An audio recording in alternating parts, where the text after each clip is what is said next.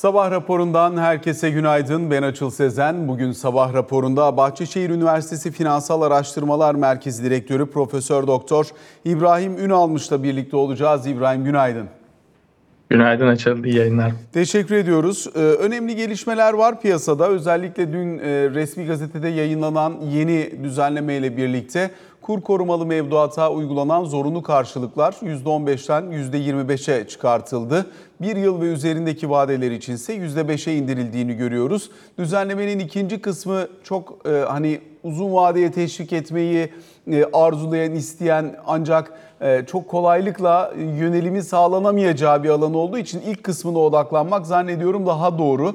E, burada kur korumalı mevduattan düz TL mevduata dönüş için bankalara çeşitli hedefler ver, verilmiş.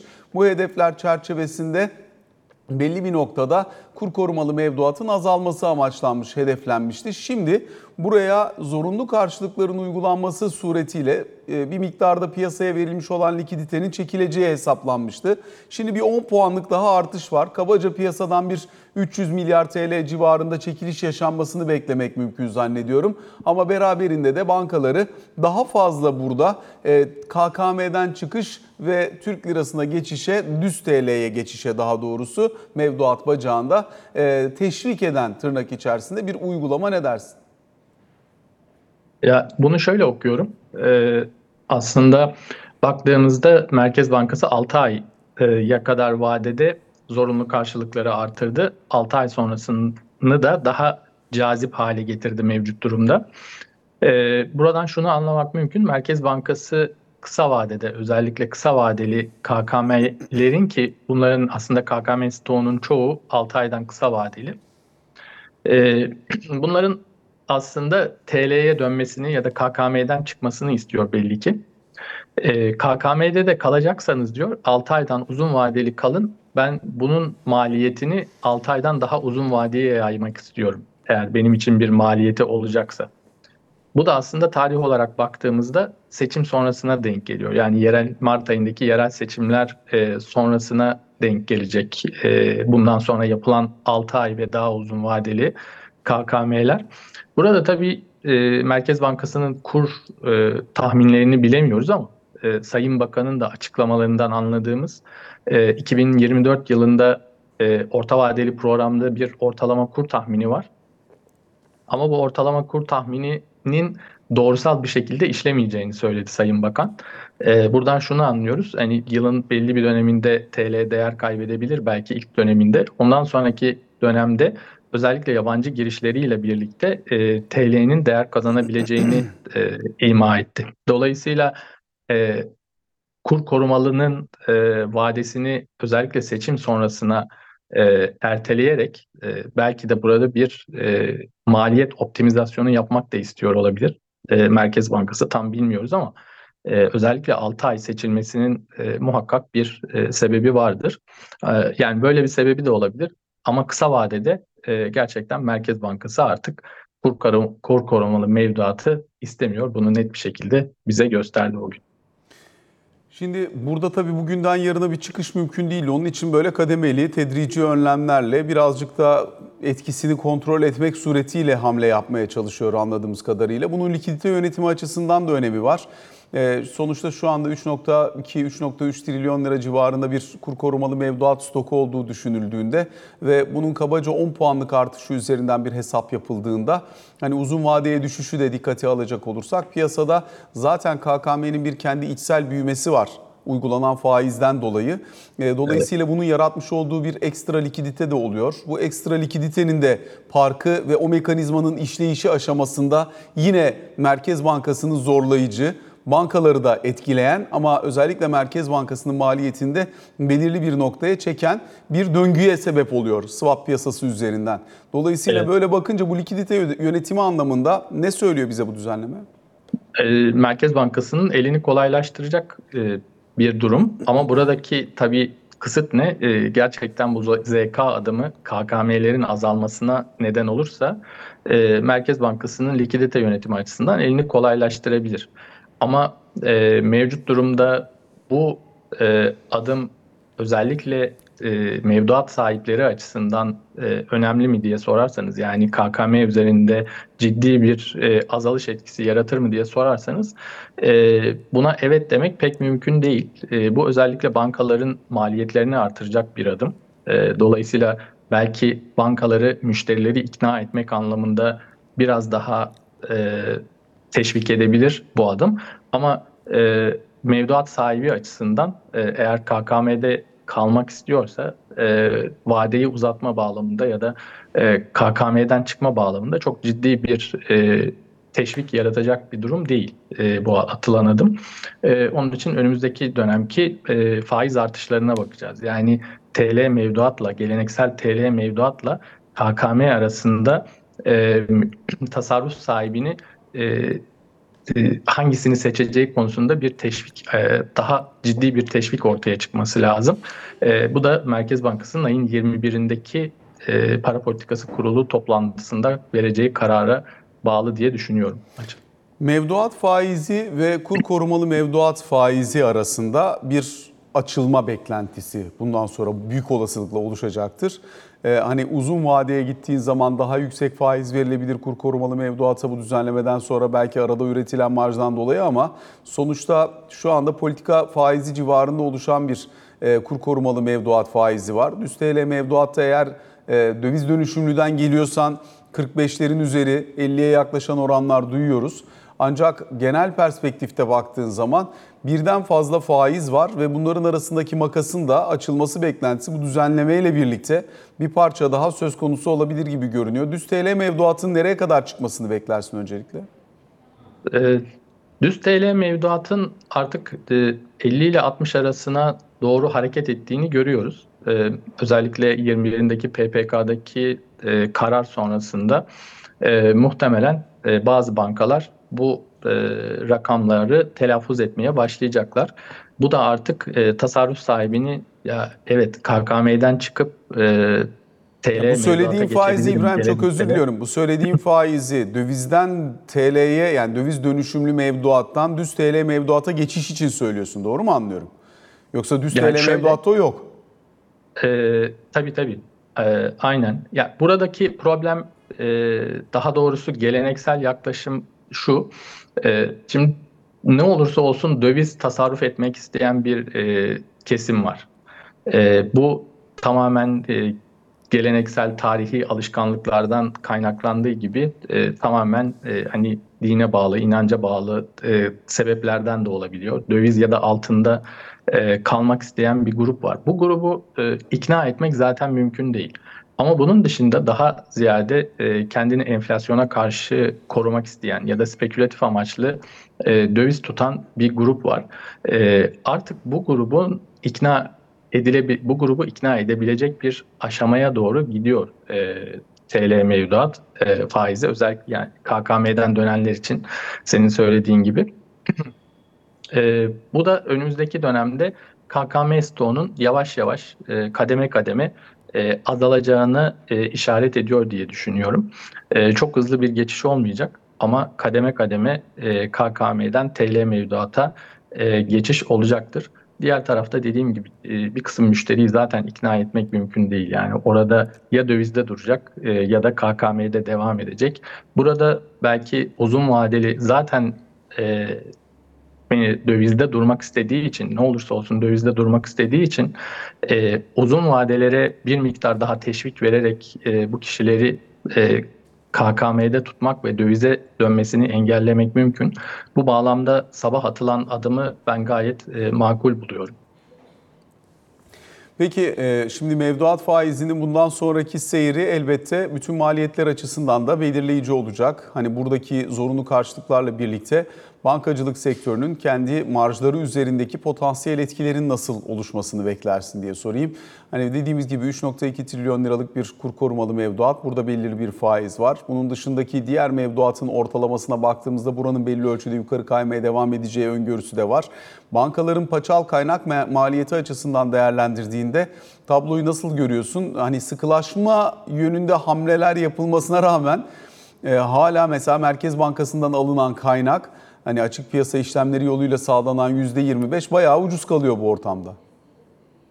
Ee, onun yani bankaların karlılığı açısından çok düşünmemek lazım. Yani Merkez Bankası'ndan alınan e, kaynaktan ziyade bankaların asıl kaynak maliyeti mevduatlar. E, mevduatların e, önümüzdeki dönemki seyri, mevduatın maliyeti banka için önümüzdeki seyri karlılık açısından çok e, önemli olacak. E, ama burada diğer bacağı da işin e, krediler tarafı. Krediler tarafında özellikle hazineye borç verirken de son ihalede e, bildiğin gibi %28 çıktı hazine ihalesindeki faiz. Burada da kademeli bir şekilde e, hazinenin daha yüksek faizle borçlanmaya başladığını görüyoruz. Yani o eski baskı e, üzerinden kalk, kalkıyor yavaş yavaş bankaların. Dolayısıyla e, mevduat faizi evet e, artarken diğer taraftan bankaların e, kredi faizlerini artırdığını e, hem e, bireysel kredilerde hazineye borç verirken ya da ticari kredilerde faizlerin kademe kademe yukarı gittiğini görüyoruz. Her hafta perşembe açıklanan rakamlarda. O yüzden e, bankacılık sistemi üzerinde bu son açıklanan e, adımın muhakkak e, etkisi karlılık bağlamında negatif olacaktır ama bunun e, büyüklüğü e, bankacılık sistemini çok etkileyecek kadar yüksek bir e, negatif etki değil diye e, söyleyebilirim. Bankaların net faiz marjı açısından bakıldığında e, bundan sonraki süreçte elbette kredi ve mevduat arasındaki denge çok belirleyici. Kredilerde daha sıkılaştırıcı ve orada da yine kredilerin birbirinden farklı olarak fiyatlandığı bir tabloyla karşı karşıyayız. Bireysel kredilerde ciddi bir sıkılaşma olduğu dikkat çekiyor. Kredi kartı faizleri zaten yukarı gidiyor. İşte nakit çekim faizleri zaten yukarı gidiyor. Burada limitlerle oynanmak suretiyle de talebi dengeleme ve dizginleme çabası söz konusu. Ticari kredilerde ise e, faizler yükselmiş, maliyet artmış olabilir. Ancak e, en azından daha önceki gibi hiç verilmeyen bir kredi stoku gibi değil biraz daha sanki yüksek maliyetli de olsa akışkanlık sağlamaya başlamış bir kredi piyasası var gibi görünüyor. Ne dersin? E, doğru. Kredi piyasası e, eskisine göre daha iyi çalışıyor. E, eskiden kredi piyasasında özellikle kredi skoruna göre tabii ki e, farklı kredi e, maliyetleri oluşabiliyordu şirketler açısından.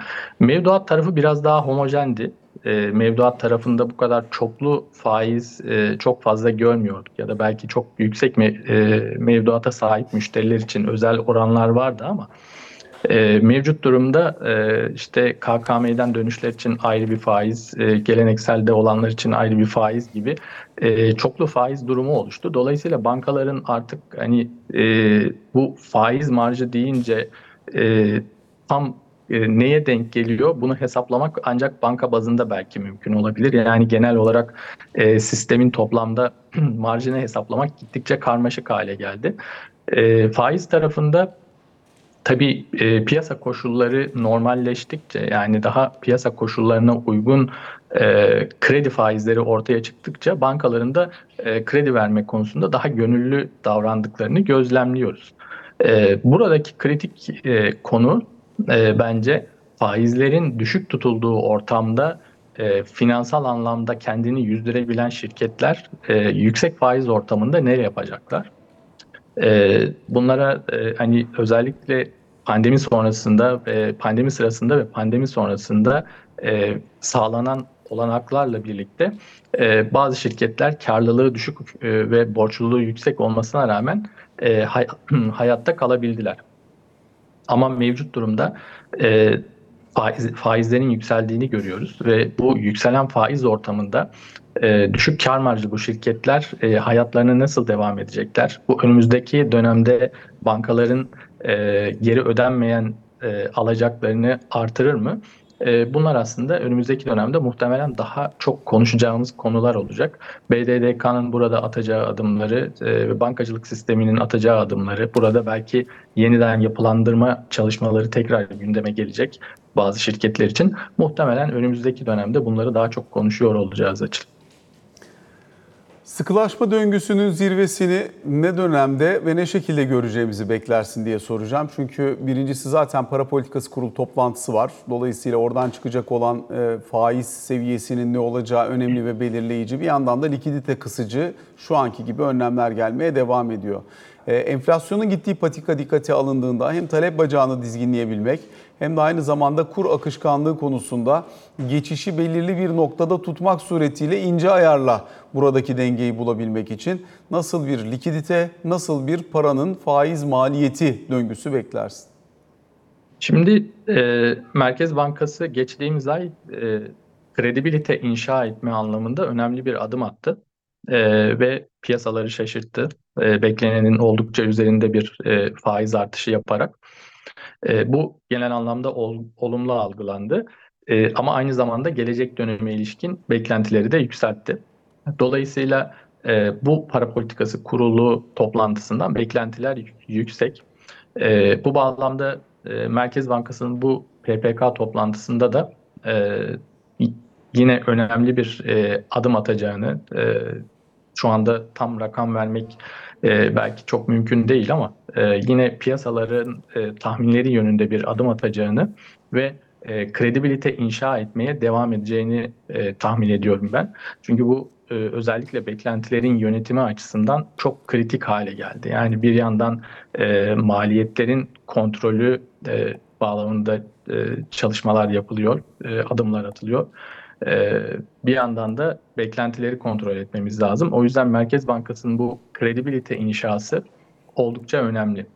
Dolayısıyla Eylül ayı toplantısı çok kritik hale geldi. E, bundan sonraki adımlar konusunda da e, Eylül ayı toplantısı e, sonrasında yapılacak açıklama e, PPK metni aslında oldukça e, önemli olacak bizim için. E, burada tabii enflasyon e, en son enflasyon raporu da yüzde 68 olan rakam, yüzde pardon yüzde 58 olan rakam yüzde 65'e yükseltildi enflasyon yıl sonu enflasyon tahmini OVP'de. 2024 için de yüzde 33'lük bir enflasyon tahmini var yine OVP'de.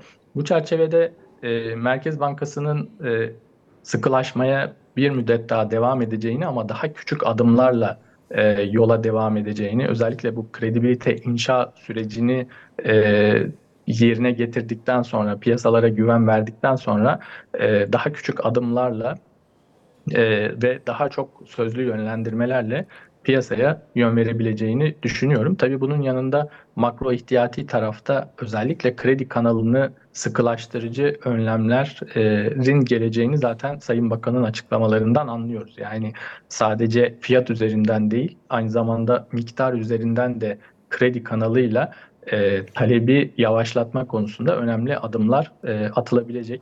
Burada e, bakıyoruz mesela bireysel kredi kartlarının toplam e, krediler içerisindeki payı 2023 yılında kayda değer miktarda artmış. E, bunun tabii ki bir miktarı e, tüketime gidiyor, tüketimi canlı tutuyor. Bu da cari açığı artırıyor ve e, döviz talebi yaratıyor ekonomide. E, bu e, talebi kısma konusunda ekonomi yönetiminin çok e, e, zihninin çok net olduğunu gözlemliyorum ben. Dolayısıyla önümüzdeki dönemki adımlar sadece faiz bağlamında değil, miktarsal sıkılaştırma anlamında da e, e, yavaş yavaş devam edecek.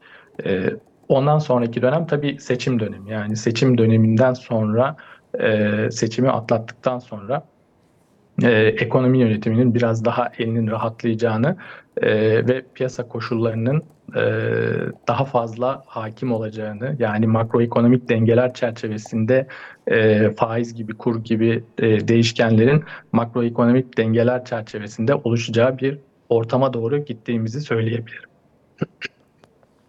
Şimdi bir yandan da orta vadeli programda e, mevcut e, büyüme dinamikleriyle ilgili hedeflerin birer puan aşağı çekildiğini anlıyoruz. Bununla birlikte işte 4-4,5 arasında bir büyümeyle önümüzdeki 3 yıl boyunca e, bu yılın belki 2024 yılının birinci çeyreğinin sonu, ikinci çeyreğinin başları gibi %80'lere yakın bir yerde, 75-80'lere yakın bir yerde pik yapacak olan enflasyonun yıl sonunda 33 diyor orta vadeli program. Daha sonrasında da kademe kademe aşağı geleceğini ifade ediyor. Dolayısıyla 4-4,5 civarında bir büyümeyle bu enflasyonu hakikaten yeniden tek haneye indirebilmek için e, ekstra ne gerekli? Çünkü daha önce yani çıktı açığı e, bu, bu şekilde devam ederken büyüme patikasını çok fazla bozmadan enflasyonun aşağı geldiği dönemler olabilir. Ama muazzam bir kaynak girişi olmuştu mesela Türkiye'nin bir önceki deneyiminde. Dolayısıyla böyle bir beklenti mi var? Ne dersin? Ee, bu aslında programın ima ettiği şey benim de anladığım e, kesinlikle bu.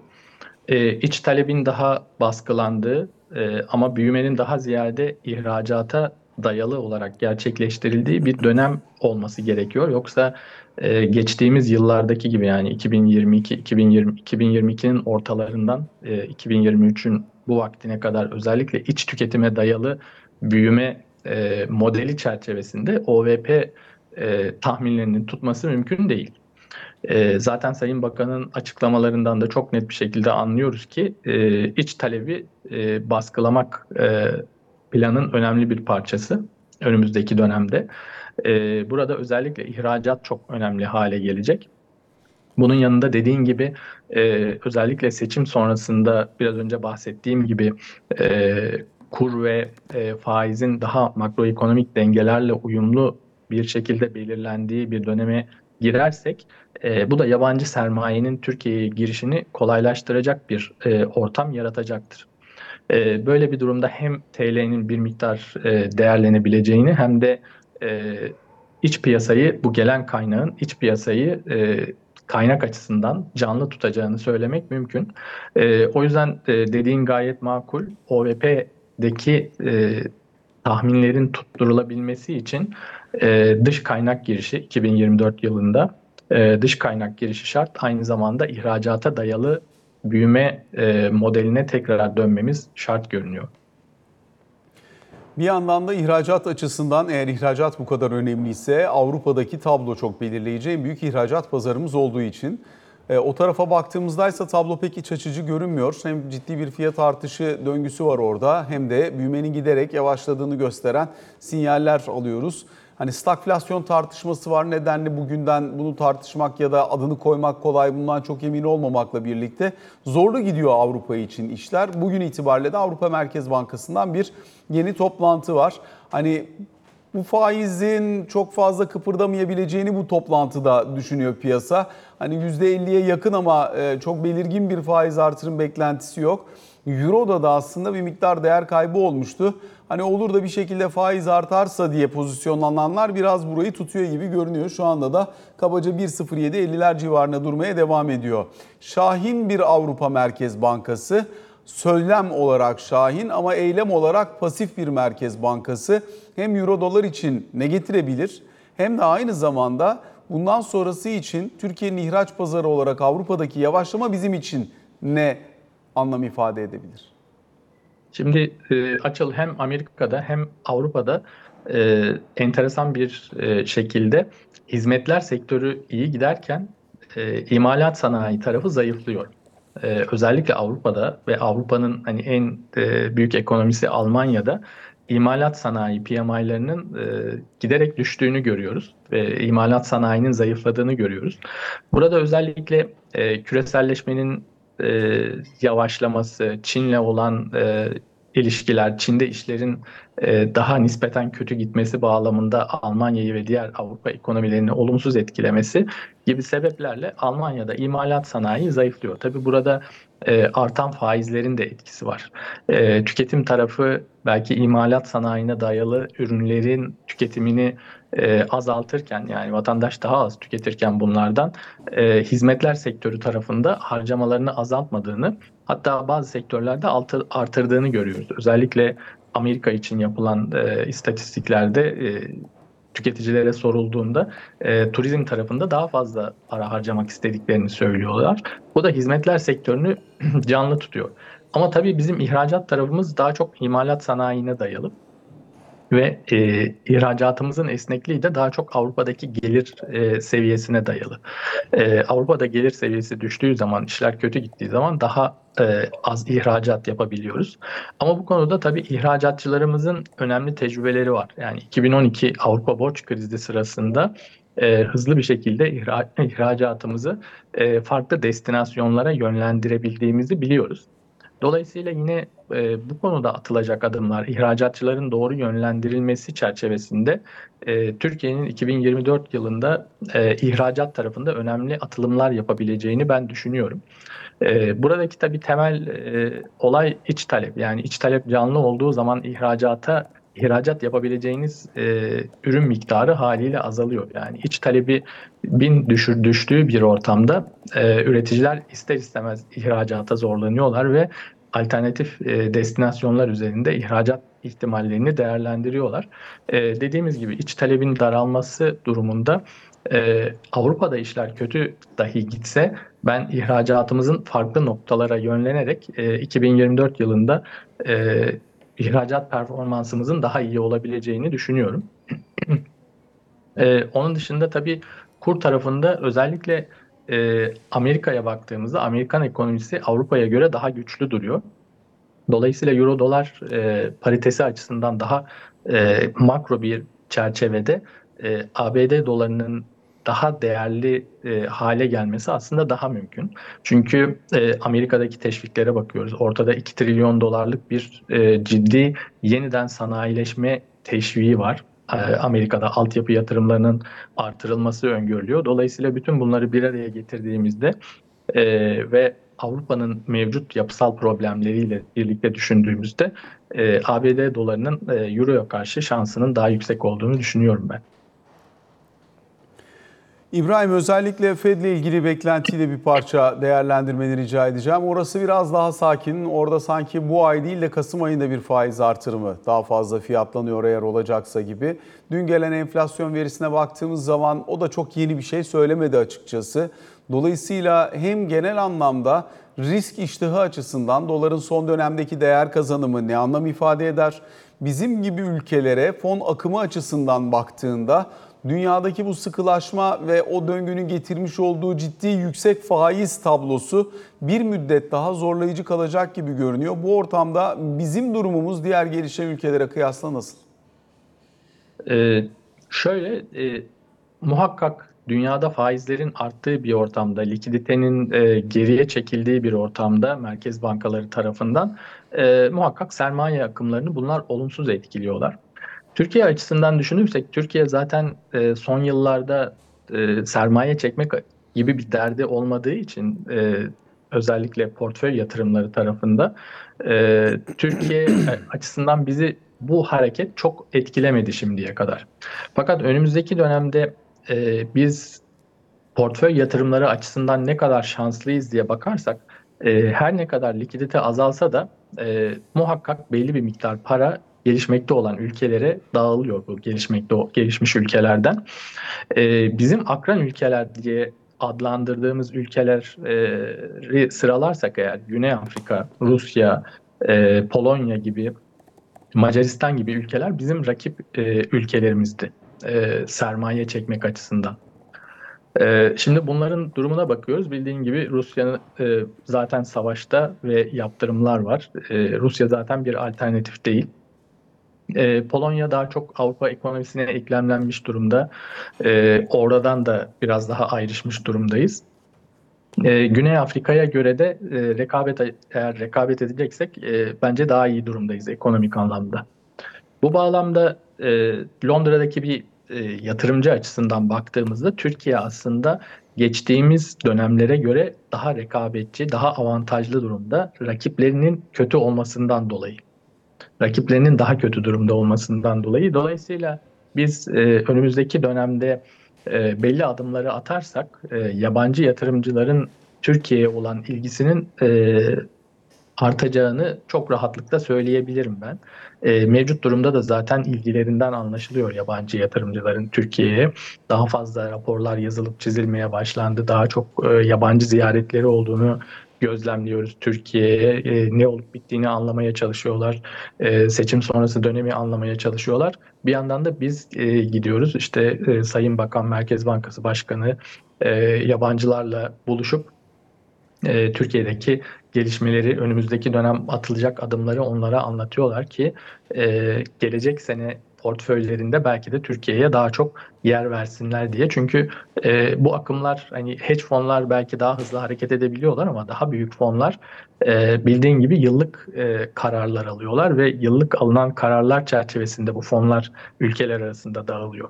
E, o bağlamda e, şimdiden bizim belli adımları atmamız, e, belli bağlantıları kurmamız lazım ki 2024 yılında e, eğer daha fazla yabancı yatırımcı istiyorsak e, bunların kapısı açılsın. E, o yüzden mevcut adımları yabancı yatırımcının Türkiye'ye çekilmesi bağlamında ben olumlu görüyorum. İbrahim Ünalmış çok teşekkür ediyoruz sana. Aktardığın bu değerlendirmeler ve yorumlar için kısa bir araya gideceğiz. Sonrasında ikinci bölümde Alican Türkoğlu ile karşınızdayız.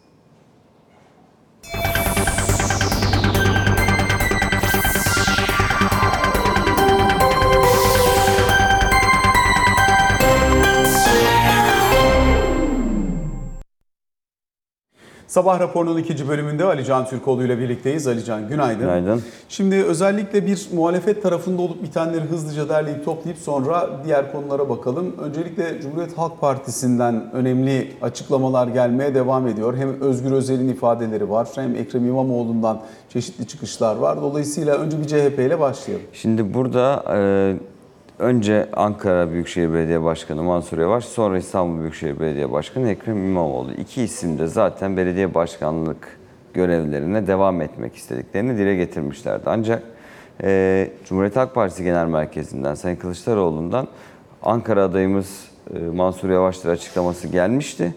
Ama Ekrem İmamoğlu açıklaması gelmemişti ki işte geçtiğimiz güne kadar. Dün artık bu konuda Cumhuriyet Halk Partisi'nin kararı da netleşti. Bizzat Kemal Kılıçdaroğlu da açıkladı.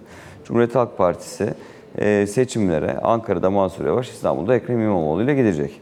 Bunda bir e, sıkıntı yok CHP tarafındaki işte Sayın İmamoğlu'ndan da Sayın Yavaş'tan da zaten bu açıklamalarla ilgili olarak teşekkür mesajları da geldi. Ama buradaki sorun İyi Parti'nin burada ne yapacağı şu anda. Yani geçtiğimiz seçimlerde destek verdiği bu iki isme İyi Parti destek verecek mi, vermeyecek mi? Çünkü dünkü Genel İdare Kurulu toplantısından oy çokluğuyla e, ki daha önce çok konuşmuştuk. Böyle bir karar çıkacağını da zaten biliyorduk ama oy çokluğuyla 81 ilde kendi adaylarını çıkaracakları yönünde bir karar çıkmış. Dolayısıyla bu noktada Genel İdare Kurulu'ndan bu karar çıktıktan sonra nasıl gelişmeler olacak ki tekrar bazı yerlerde bir işbirliği sağlanacak ki zaten bu işbirliğinin artık e, minimum düzeyde tutulacak tutula, olursa eğer minimum düzeyde olacağı ve sadece belki bu iki ille belki birkaç küçük yerle daha sınırlı kalabileceği söyleniyor kulislerde. Şimdi benim beklentim e, Ekrem İmam- İmamoğlu'nun ve Mansur Yavaş'ın Sayın Akşener'le temasa geçmesi yönünde. Yani genel merkezden, İyi Parti Genel Merkezi'ne, Genel İdare Kurulu'ndan bu yönde bir karar çıktı ama başkanlar genel başkanla görüştükten sonra nasıl bir karara evrileceği, evrilip evrilmeyeceği en azından belli olacak. Çünkü İyi Parti'den de özellikle Ankara ve İstanbul'la ilgili her ne kadar bu yönde bir karar çıkmış olsa da GİK'ten e, yine de görüşmelerin olabileceği söyleniyor Yani ki mesela dün- şimdi İzmir'de hani diyelim ki İstanbul, Ankara için olabilir ama İzmir'de İyi Parti kendi adayıyla çıkacak. Ümit İşte. Örneğin e, yine Antalya'da kendi adayını çıkartacak, Adana'da kendi adayını çıkartacak. Dolayısıyla muhalefet blokunun kendi içerisindeki bir önceki seçimde gördüğümüz o birlikteliğin üretmiş olduğu ekstra e, Sinerji- sinerji olmayacak. Evet orası net olarak gözüküyor zaten. Yani bir kere geçtiğimiz seçimlerle bu seçimde muhalefetin e, birlikteliğini göremeyeceğimiz artık kesin.